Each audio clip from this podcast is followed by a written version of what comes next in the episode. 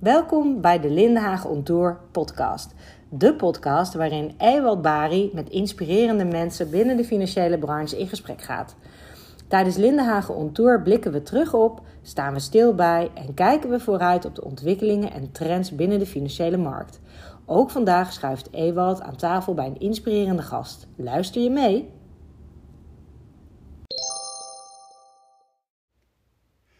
Welkom bij eh, de podcast van eh, Lindenhagen On Tour. Vandaag ben ik op bezoek bij eh, Alexander van Eerden van Building Blocks.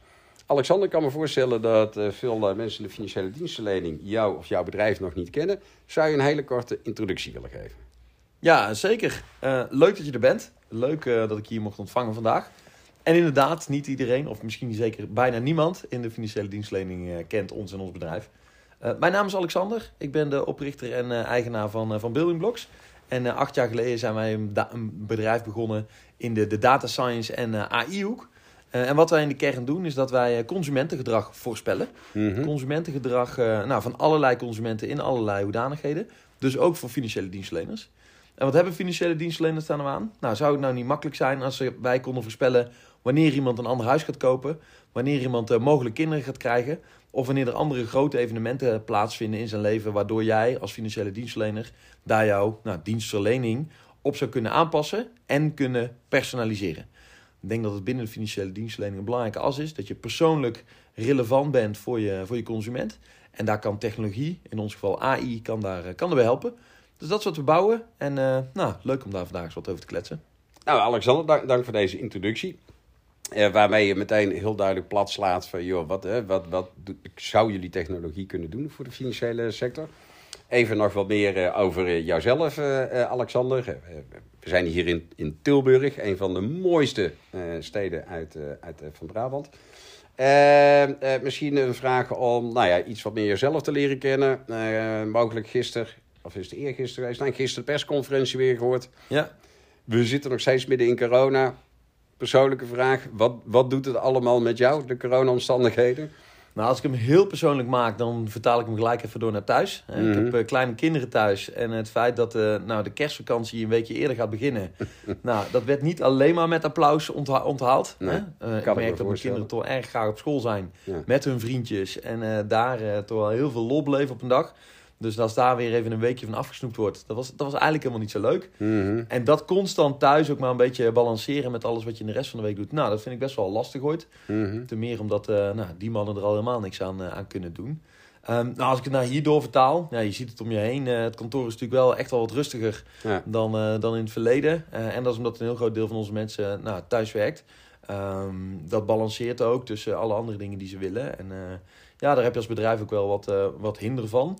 Lees het bewaken en bewaren van onze cultuur, die toch wel erg op samenwerken eh, mhm. hangt. Mhm. Ja, dat is best wel moeilijk als je allemaal uh, achter een teamscherm zit en, uh, en op afstand. Ja. Wat, wat doet het met het sentiment van je medewerkers? Wat merk je daaraan?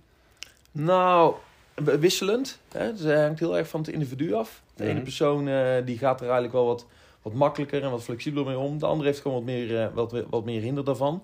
Ligt vooral ook wel aan hoe je thuissituatie in elkaar steekt. Um, dus ik zou zeggen wisselend.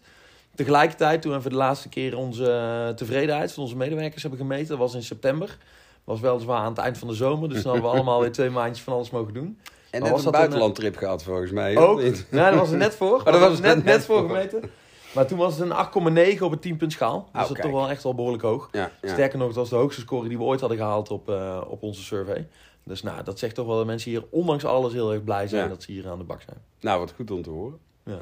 Uh, jij geeft net in jouw introductie ook aan van nou, ik denk dat nauwelijks iemand in de financiële sector ons kent. Uh, maar als ik kijk naar jullie portfolio aan klanten, dan zie ik uh, namen voorbij komen als SAA, Verzeker zelf, Intrassurance, CZ hier uit Tilburg, ASR. Nou, dat zijn toch niet de minste namen. Dus dat betekent dat jullie echt wel wat ervaring hebben in die financiële sector. Hoe, hoe, kijk jij nou vanuit, vanuit jouw bril naar die financiële sector? Wat, wat zie jij nou voor ontwikkelingen in de afgelopen jaren en wat zie je nog komen? Ja, mooie vraag. Grote vraag ook. Dus ik mhm. zal proberen om hem uh, enigszins uh, kort, kort te houden. maar wat ik zie is dat er best wel veel mensen aan de slag zijn met in ons geval data en, en modellen, voorspellingsmodellen op die data bouwen. Maar dat er ook nog heel veel elementen zijn die dat erg stroef eh, doen, eh, doen verlopen. Oké. En dat begint bij helemaal de voorkant eh, de wet en regelgeving. Rondom Mhm. data, datagebruik, data inzet. Mhm. En niet zozeer dat die wet en regelgeving er niet is of er wel is. Maar meer dat er heel veel nou, kennis opgedaan moet worden om hoe we dat allemaal inzetten.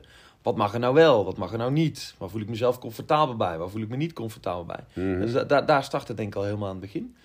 En vervolgens ga je naar een stukje technologie. Mhm. Eh, ik denk dat de technologie bij veel van deze clubs, die ook degene die je net noemt, toch nog eh, nou, niet allemaal state of the art is. Dus je ziet soms dat je echt wel tegen de technologische eh, grenzen aanloopt Mhm. van wat er binnen deze financiële spelers kan. En daar is dus ook nog wel een hoop te doen. Ehm, nou, dan kom je bij de mensen. En de mensen die er werken, die hebben denk ik allemaal wel veel zin om wat waarde toe te voegen met die data en met die kansen. Dus daar zie ik het over het algemeen wel, eh, wel goed gaan. Ehm, ja, en dan kom je bij de consument zelf, die dus iets met zo'n oplossing eh, zou moeten doen, of die er Mhm. iets van kan merken. Mhm. Ja, en daar zie je dat er, eh, dat er een heel breed scala is. Hè? Van super moderne, vaak wat jongere mensen die helemaal into de technologie zijn. En die bij wijze van spreken alles door een app zouden willen regelen met hun eh, bankenverzekeraar. Tot aan eh, nou, de, de, de wat, wat klassiekere of wat, wat minder eh, technologie georiënteerde mensen. Die het liefst nog gewoon met een persoon aan de andere kant van de tafel eh, dealen. Mhm. En als je als, eh, nou, je noemde bijvoorbeeld CZ. Als je met dat hele brede spectrum van wensen van die verschillende consumenten om moet gaan. Ja, dan is dat best wel een uitdaging. Want je wilt toch een soort van homogeen CZ-merk blijven. Mhm. Ehm, ja, dan, dan, dan heb je daar wel wat struggles om dat, om dat goed voor al die verschillende consumenten in te richten. Ja. Dat is echt wel zeggen, gericht op het, op het hier en nu. Eh, maar wat voor ontwikkeling eh, verwacht je daarin? Wat voor verandering verwacht je in, in het consumentengedrag dan eh, op dat vlak? Ja, wat ik, wat ik zou willen zien is dat het vertrouwen van de gemiddelde consument in een financiële dienstverlener, Mhm. dat die wat groter wordt. Maar dan, dat is een hele uitdaging om dat met technologie te doen. Hoe zie je dat voor je? Nou, ik denk, ik denk eigenlijk dat technologie wel de sleutel kan zijn in, in, in, die, in die transformatie. En Mhm. waarom? Omdat met technologie zou je heel veel van de dingen die de financiële dienstverlener doet, heel transparant kunnen maken voor die consument. Mhm. Heel duidelijk, heel overzichtelijk, heel begrijpbaar, in beeld of in een vorm bij hem eh, terug kunnen leggen.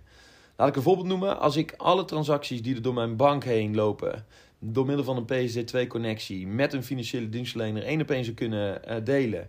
En ik kan op basis van een simpel inzichtje zien waarom die financiële dienstverlener dan een bepaald risico ziet bij mij. Mhm. En waarom dat bijvoorbeeld tot een, eh, nou, tot een verzekeringsadvies leidt. Mhm. Het waren mijn transacties. Ik kan heel duidelijk zien waar het aan ligt. En ik kan heel duidelijk snappen waarom dat advies er dan uitkomt. Mhm. 100% technologisch gedreven. Maar ik denk wel heel veel, oh ja, daarom vindt hij het. Mhm. En niet omdat hij zijn eigen rendement aan het maximaliseren is. Mhm. Dus die, die transparantie daar juist creëren kan juist leiden tot vertrouwen, denk ik. Het voorbeeld zoals je het nu praktisch noemt, eh, op, op welke termijn verwacht je dat we op die manier, eh, eh, laat maar zeggen, door middel van technologie advies gaan krijgen?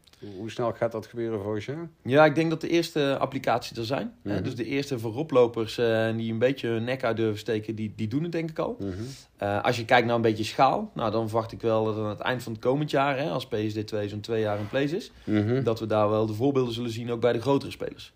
Ehm, ik ga even oppassen dat ik geen eh innovatieroadmaps van verschillende spelers hier op tafel leg. Mhm. Lijkt me ook niet helemaal eerlijk om dat te doen, maar ik verwacht wel dat we daar in de tweede helft van het komend jaar wel eh, de eerste toepassingen gaan zien, ja. Oké, dat, is, dat, is, dat, is al, dat gaat heel snel. Ja. Eh, als ik dan eens een, een, een, een, een, een stelling bij je neer mag leggen, als ik hem nog wat Ja, verder door mag trekken. Joh, over vijf jaar is er geen adviseur meer nodig en een soort, eh, een soort technologie voor het advies. Wat is je reactie? Dus over vijf jaar zie je geen adviseur meer. Ja, dat is eh, niet het geval, eh, wat mij betreft. Wat je wel gaat zien is dat de rol van de adviseur eh, wat gaat veranderen. Mhm. En ik denk eigenlijk wat interessanter gaat worden. Want ik zie twee dingen waar de technologie goed in is. Technologie is goed in vrij simpele dingen op vrij grote schaal zelf doen. Nou, dat lijkt me dan juist voor een adviseur het werk waar je dan nu zeven of zes uurtjes van de dag mee vult. Waar je eigenlijk van denkt, hm, laat de machine dat doen. En het werk wat je overhoudt zijn eigenlijk denk ik twee dingen. Dat is aan de ene kant de complexe dingen waar het algoritme of de oplossing nog nooit mee eh, eh, aan de gang is geweest. Mhm. Daar zul je een stukje kennis en visie en inzicht als mensen moeten toepassen. Dus Mhm. de interessante casussen waar je ook echt over, over wil denken, die blijven denk ik over de adviseur. En wat er voor de adviseur overblijft is het persoonlijke, is het menselijke contact. Hè, want wat ik net al aangaf, het is niet voor elke consument zo dat een stukje technologie even makkelijk te gebruiken is. Ja, ja. Dus ik denk dat daar een hele grote rol is voor een adviseur om dat voor al die verschillende consumenten op een, op een persoonlijke manier nou, te ondersteunen. Ja, Ja. En, het, en het grote bulkwerk, dat zal heus wel beter door een machine kunnen dan door een mens. Nou, dat lijkt me nou net ook even het werk waarvoor eh, ja, je niet per se als adviseur, eh, adviseur geworden bent. Ja, ja. Nou, ik vind het interessant om zo direct nog heel even wat de verdieping te maken op die adviseur. Ja. Als we nou eens meer kijken ook naar de rol van de ondernemer binnen de financiële dienstverlening. En dan bedoel ik, een, eh, dat kan zijn een zelfstandig intermediair. Dat kan zijn een, een, een verzekeraar. Dat kan zijn een bank. Dat kan, nou weet je, de, hè, de ondernemer of de bestuurder van een bedrijf op dit moment in de financiële dienstverlening. Maar als we kijken naar onze grote klantengroep, zijn dat vooral heel veel intermediairs, van klein tot groot. Eh, welk advies zou je zo'n ondernemer willen geven om, eh, zodat hij nu al kan nadenken over deze technologische ontwikkelingen? Wat, wat, wat, eh, als je nou met zo'n adviseur of zo'n ondernemer aan tafel zit, wat Ja. zou je tegen hem zeggen? Nou, mooie vraag. Ehm, eh, ik, denk, ik denk in de kern dat als je kijkt waar we nu staan, dat een stukje toevoeging van technologie nogal echt een stuk onderscheidend vermogen kan creëren. Ik denk dat er nog niet heel veel spelers, en laat ik me even beperken tot de Nederlandse markt, in de Nederlandse markt zijn die echt die technologie op een manier inzetten dat ze daar structureel voordeel uit behalen. Ik denk als je de komende, ik zei net, eh, eind volgend jaar zul je de eerste soort van eh, voorbeelden gaan zien. Nou, laten we even twee, drie jaar vooruit kijken. Dan denk ik dat je echt nog wel een stuk toegevoegde waarde kan leveren door de inzet van die technologie ten aanzien van je competitie. En of het dan is dat je een stuk extra automatisering doorvoert, waardoor je een stuk van de tijd overhoudt om extra service te verlenen, of om een scherpere prijs te kunnen bieden, of hè, hoe je dat dan weer doorvertaalt naar een consument, dat moet je zelf weten. Maar dat is denk ik het eerste stuk. Mhm. Vervolgens, als je wat verder vooruit kijkt, ja, dan zie ik wel ook wel een bedreiging door die technologie. Omdat er grote spelers zullen zijn die die technologie op grote schaal kunnen inzetten. En die dus of die betere service op grote schaal gaan leveren, of dat prijspunt lager kunnen leggen. Mhm. Hè, die, die, die, kunnen, die kunnen dat. En daardoor ontstaat er natuurlijk ook een bepaalde druk op de andere spelers in de markt om er Mhm. mee te gaan. Dus ik denk voor de komende twee, drie jaar dat het een competitief voordeel kan opleveren. Ik denk dat het daarna ook wel een soort van ja, weer hygiënevoorwaarde gaat worden in die markt. Mhm. Dat, je er, eh, dat je erin mee bent. En als je het dan hebt over, laten we zeggen, de grote spelers eh, op dat gebied, eh, bedoel je dan, laten we zeggen, de huidige corporates die in staat zijn om en de middelen hebben om die technologie toe te passen? Of bedoel je met de grote speler, spelers meer technologische spelers die nu op een ander vlak bezig zijn en zich op de financiële sector gaan begeven? Welke hoek eh, zie je dat met name? Als ik, als ik heel eerlijk ben, dan zie ik ze eigenlijk in alle twee. Oké. En dat maakt de druk nog extra groot. Want dan heb je dus de bestaande grote spelers in de markt. Ehm, en je krijgt een set van nieuwe spelers, denk ik. Spelers die heel veel snappen van het gedrag van consumenten. Mhm. En die daar ook prima financiële dienstverlening omheen kunnen hangen. En of dat dan bankzaken zijn, of verzekeringszaken, of andersoortige zaken, pensioenzaken. Mhm. Dat weet ik niet helemaal. Dat kan ik niet helemaal voorzien.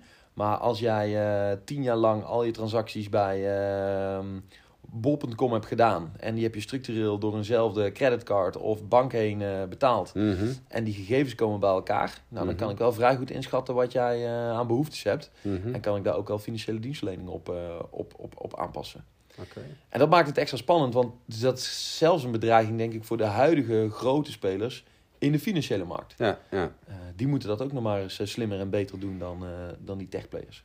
Nou ja, als ik jou hoor vertellen waar je de afgelopen periode tegenaan loopt... en dat is wat technologische veroudering bij dat soort corporates... dan kan ik me daar iets bij voorstellen.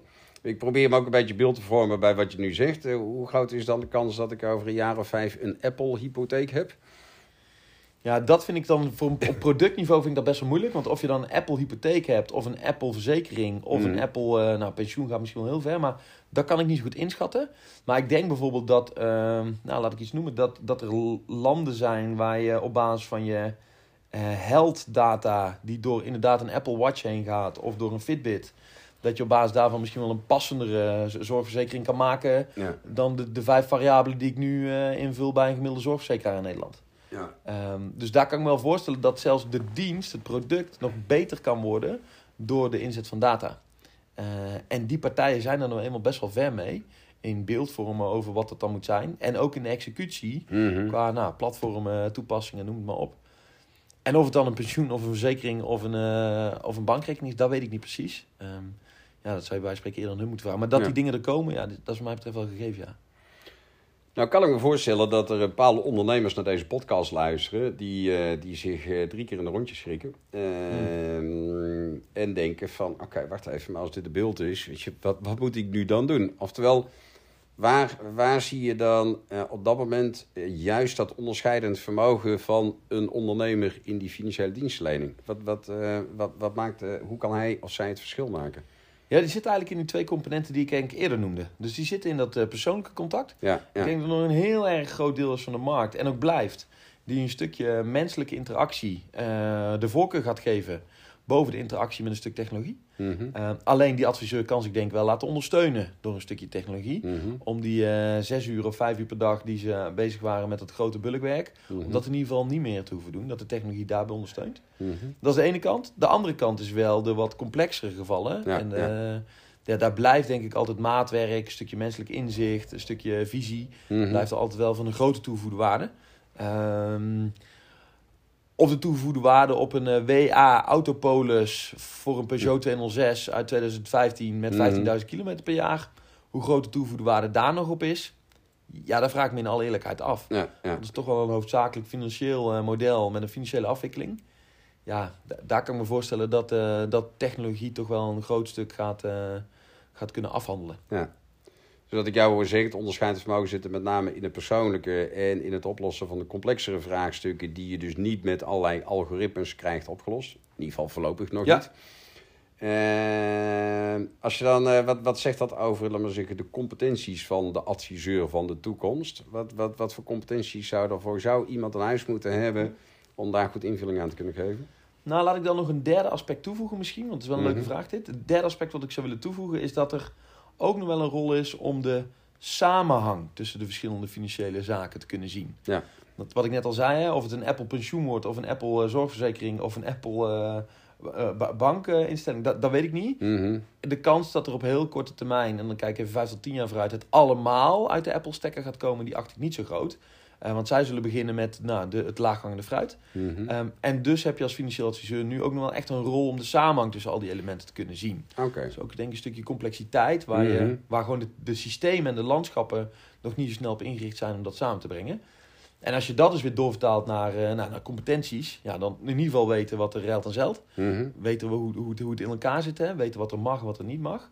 Ja, dan toch ook wel echt een stuk productkennis. Ik denk dat je echt wel goed moet weten wat de verschillende producten zijn en wat ze kunnen. En hoe ze dus met elkaar samenhangen. En dat Mhm. samenhangstuk, daar is denk ik nog gewoon een hele grote kans. Als je daar goed zicht op hebt en een goed gevoel bij hebt, ehm, dat je daar wel eh, eh, ja, veel waarde kan toevoegen. Ja, ja. Nog even los van het menselijke aspect, hè, maar ik denk dat, dat veel adviseurs daar nu ook al wel eh, aardig goed in zijn. Ehm, ja, weet hoe je met mensen omgaat. Ja. Wel, Ja, oké. En als, als, eh, als eh, je nu een tip zou hebben aan die adviseurs die deze podcast luisteren en denken van, eh, nou, dit klinkt eigenlijk wel gaaf. Ik, ik wil me richten, ik wil me klaarmaken voor die ontwikkelingen in, in de toekomst.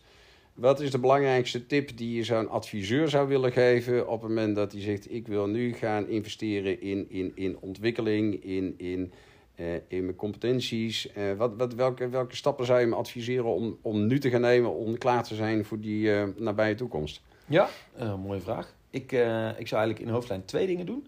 Ik zou een heel duidelijke doelgroep kiezen en een bepaald stuk toegevoegde waarde kiezen waar je je echt in vast wil bijten. Mhm, Ik zou voorkomen dat je alles een heel klein beetje gaat doen, maar ik zou een heel duidelijke focus kiezen. mhm, En dan zou ik met kleine technologische stappen, zou ik die competenties, die technologiecompetenties gaan toevoegen. Veel mensen eh, hebben misschien het gevoel dat dat gelijk om hele grote stappen en hele grote projecten en, en, en toepassingen gaat. Maar ik zou het altijd heel klein en simpel houden. Ehm, automatiseren op basis van alle gegevens die je in een contract hebt.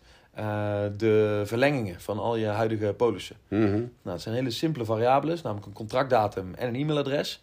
Nou ben ik al een heel eind, zeg maar. Hè? En, en dat zijn hele kleine vormen van wat ik dan bedoel van die simpele zaken, van die massazaken. Die denk ik met laag, laagdrempelige eh, projectjes en initiatieven gewoon al morgen kan starten. Ja, Eh, ja. En die ook heel begrijpbaar zijn. Hè? Daar hoef je helemaal geen eh, hogere wiskunde voor gestudeerd te hebben. Maar het helpt wel heel erg. Ja. Als je zeker zou weten dat elke klant die je hebt en elke polis die er loopt, dat die een soort van vanzelf verlengd zou worden. Nou, dan ben je in ieder geval weer van 5% van je workload af, denk ik. Ja, ja. En voor sommige mensen misschien zelfs meer. Dus wat ik jou eigenlijk een beetje zo er tussendoor hoor zeggen als, als tip ook naar die adviseur, omarm vooral ook die technologie. Eh, eh, en en ehm, eh, accepteer dat dit een onderdeel gaat zijn van, van je proces. En sterker nog, het kan je Het kan je versterken. We, hebben, we zijn natuurlijk best wel lang bang geweest voor digitalisering. Verdwijnt mijn rol, verdwijnt mijn functie. Ik vind het spannend, ik vind het eng. Wat kan er wel, wat kan er niet? Maar wat ik jou nu hoor zeggen, omarm het vooral. Is dat de juiste vertaling eh, die, die ik maak? Ja, ik zou, Even los van eh, dat het jouw businessmodel is natuurlijk. Nee, maar de- eens. Maar, maar ik zou eigenlijk, eh, ik, ik zou eigenlijk geen andere weg zien. Nee, nee. En eh, je, je kan allerlei sectoren eh, natuurlijk aanwijzen waar in allerlei manieren natuurlijk dingen eh, al een stukje verder eh, eh, zijn in deze route. Mhm. Ja, daar, daar dachten misschien mensen 10 of 15 jaar geleden ook van, eh, is- gaat het echt zo ver komen? En eh, of ik dan een, eh, een warehouse neem waar robots eh, vanzelf eh, orders pikken op basis van geolocatie en, eh, eh, en een stuk automatisering. Nou hadden we misschien 20 jaar geleden ook gedacht dat het niet zo snel zo ver zou komen. Maar, Ja. maar is ook wel gelukt. Ehm, maar ook, en dan kijk ik gewoon naar een heel andere beroepsgroep. Ook als je kijkt dat ehm, de oncoloog tegenwoordig ondersteund wordt door beeldalgoritmes. Mhm. Die hem helpen om eh röntgenfoto's te analyseren en te Ja, oordelen. Ja. ja. goed, die dacht misschien ook toen hij 20 jaar geleden op de opleiding zat ook niet dat dat ooit door technologie gedaan kon worden. Nee, nee. En is inmiddels wel zo. En, en een goede interactie vinden met die technologie. En een goede samenwerking. En eigenlijk een soort van rolverdeling afspreken. Mhm. Dit doe jij, meneer, mevrouw, de technologie. En Ja. dit doe ik. Dat is eigenlijk wat je daar denk ik moet doen. Ja. Dat zorgt dat je alle twee gewoon een goede rol kan hebben. Ja, ja. Hey, en ehm, nou, ik heb daar een goed gevoel bij, met name als je kijkt hoe adaptief wij Nederlanders zijn op technologiegebied. Eh, als je alleen al kijkt eh, waar Nederland voorop loopt op, op eh, internetbereik, internetgebruik, de manier waarop onze mobiele telefoon heel snel onderdelen van ons leven zijn gaan maken. Dan zou het qua adaptiviteit zou dat, zou dat, zou dat geen probleem moeten zijn. Ehm, als je dan vertelt over die adviseur in de toekomst, die ondernemer. wat zou je dan als tip nog voor ons als opleider hebben? Wat kunnen wij doen ehm, om, om ook in, laat maar zeggen, die ontwikkeling mee te gaan? Welke tip heb je nog voor ons?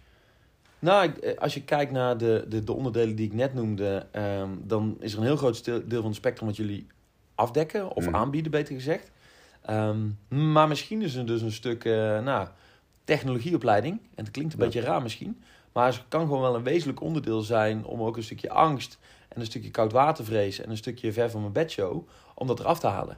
En om het ook maar gewoon praktisch te maken in wat het dan wel en niet kan zijn morgen. Ja, ja. Dus daar zou wel een kans liggen, denk ik. Ehm te meer omdat ik denk dat als je de komende vijf tot tien jaar er niks mee doet als ondernemer zijn in deze branche, Mhm. ja, dat dan wel eens eh, de trein onverwachts van links kan komen, zeg maar. ja. En eh, ja, dan kan het ook heel snel gaan. Hè? Dat zie je ook in andere branches. Dat als je je te star blijft vasthouden aan het verleden, dat je dan in één klap dadelijk eh, Mhm. Ja, toch een beetje de, de schoenenzaak in de, in, in, in de winkelstraat bent. En dan toch denkt, goh, Zalando is inmiddels wel echt heel groot. Ja, ja. Eh, ik weet niet of het een beetje een flauw vergelijk is, maar ja, weet je, je kan echt je kop in stand steken. En dat zou ik, je, ja, dat, zou- dat zou ik zelf niet zo snel Nee. doen. Stilstaan eh, is geen optie. Nee, en eh, dus jullie als opleider ook, hè, vooral dat stuk ook dan ondersteunen en daarin eh, en daar een stukje begeleiding, een stukje opleidingen bieden. Ja, lijkt mij wel een kans. Ja, nou, goede tip. Dankjewel. Ehm eh, dank voor de antwoorden op, eh, op alle vragen en de inzichten die je ons hebt gegeven eh, over wat, wat, wat eh, technologie en de inzet van data voor de financiële sector kan doen en wat het voor jou gaat betekenen. Eh, welke vraag heb je naar aanleiding van dit gesprek nog eh, voor mij, Alexander? Nou leuk eigenlijk wel. En misschien ook wel meteen terugpakkend op het laatste stukje. Oké. Als je nou je, jezelf als opleider ziet, versus misschien wel diezelfde techbedrijven. Die kunnen morgen ook misschien allemaal een opleiding aanbieden. Want die hebben zo'n beetje alle wereldkennis. Laat ik even lekker specifiek Google nemen. Mhm. Die hebben toch eigenlijk wel redelijk veel inzicht in alle informatie op de wereld. Die zouden morgen misschien ook al een opleiding kunnen starten. Wat is dan de rol van Lindenhagen? Ja, dat is een, eh, jeetje, dat is een hele goede, verrassende vraag. Eh, voor de luisteraars thuis, hier was ik niet op voorbereid. Eh, maar ik vind, het een hele, ik vind het een hele goede vraag. Nou, ik denk dat het belangrijkste is wat jij toen straks ook of net zei. Stilstaan is geen optie. Dus eh, het minimale wat wij kunnen doen is continu meegaan in die technologische ontwikkelingen. Eh, zodat eh, onze, onze klanten ons ook herkennen als, maar zeggen, bedrijf dat technologische ontwikkelingen gebruikt om invulling te geven aan het leren en ontwikkelen en klaar zijn, Ja. klaar zijn voor, voor de toekomst. Ons ook herkent in die expertrol. En dat kan op verschillende mogelijkheden zijn. Hè. Dat kan zijn eh, doordat je technologische mogelijkheden gebruikt voor het verzorgen van opleidingen. Eh, een voorbeeld is dat wij eh, in gesprek zijn met een partij die eh, met hologrammen kan werken. Wat ervoor kan zorgen dat je op Ja. kantoor of thuis, of wij spreken op het strand, onze trainer via een hologram voor je neus zet en je opleiding kan eh, volgen. Uh, een andere manier waarop technologie kan helpen is uh, doordat we heel goed het profiel van onze klanten kennen. Uh, wat ze aan vooropleiding hebben, wat voor soort advies ze geven, wat voor soort bedrijf ze werken, op welke manier ze gewend zijn om prettig te leren. Dat we ze door middel van technologie ook kunnen helpen. Wat is nou de beste vervolgstap voor jou? En of dat nou inhoudelijk is, of in verbreding, of in verdieping, of dat je dat wil koppelen met connecties in je netwerk. Uh, maar dat we technologie ook inzetten om onze klanten stap voor stap daarin te helpen. Ja. En doordat het vertrouwen wat ze in ons hebben, dat we, laten we zeggen, niet een oude stoffige opleider zijn die nog vanuit boeken probeert iets te leren. Maar dat we de inzet van technologie ook gebruiken om invulling te geven aan, zoals dat mooi noemen, learning and development. Dat ze vanuit dat vertrouwen ook in de toekomst voor ons zullen blijven kiezen. En minder snel, laten we zeggen, voor een externe uh, technoloog. Dus ik, ik hoop hiermee de bevestiging van jou in ieder geval te krijgen dat we daarmee op het uh, goede pad zijn. Maar ik heb het idee dat jullie ons daar ook al mee kunnen, kunnen gaan helpen, Alexander. Ja, ja mogelijk. Hè? Dat, ja. Leuk dat je het ziet inderdaad. Ik denk dat er twee manieren zijn. In de technologie zelf als onderdeel van, van de opleiding. Mm -hmm. um, maar ook in hoe, hoe je opleidt inderdaad. En dan bedoel ik, ja, je noemt net hologram. Nou, dat is toch even, weer even een specifieke en ook wel interessante toevoeging. Ja. Dat je, ja, leuk, interessant. Nou, het gave is dat dat een manier zou zijn waarop je, laat maar zeggen, wel dat Lindenhagen DNA houdt. Als je aan onze uh, cursisten vraagt, onze klanten vraagt, waarom kies je uh, voor Lindenhagen? Uh, dat is, het klinkt op plat, maar we vinden het heel leuk. We worden geenthousiasmeerd, we hebben er plezier in. We worden op een enthousiaste manier worden we meegenomen. Nou, dat kun je niet doen door letters op papier of letters op een scherm dat, dat, dan zorg je er, wil je er ook voor zorgen dat die methodiek uh, in je, in je, dat je in je DNA zit, ook in technologie terugkomt. Nou, dat is het mooie van een hologram. Ja, dan heb je diezelfde trainer die op die enthousiaste manier uh, iemand goed voorbereidt op een examen. En als hij het dan haalt, dan is hij heel tevreden. Uh, dus het, het, biedt ook wel een mogelijkheid om dat DNA blijvend te houden. En laten we daar dan ook de voorsprong hebben op, op, en houden op externe technologische partijen. Maar bedankt voor jouw vraag, want het zet me meteen weer aan het denken. Die, uh, die neem ik mee uh, terug. Uh, en ik wil je enorm bedanken voor jouw kostbare tijd en voor dit gesprek. en ik hoop je snel weer te zien. Graag gedaan. Erg leuk om samen te doen. En nou, tot de volgende. Dank je wel. Vond je deze podcast nou ook zo leuk? Wil je op de hoogte blijven van de voortgang van Ewald tour en ben je benieuwd naar andere inspirerende gesprekken die hij heeft gevoerd? Ga dan naar onze website www.lindenhagen.nl en kijk op de Lindenhagen on Tour pagina.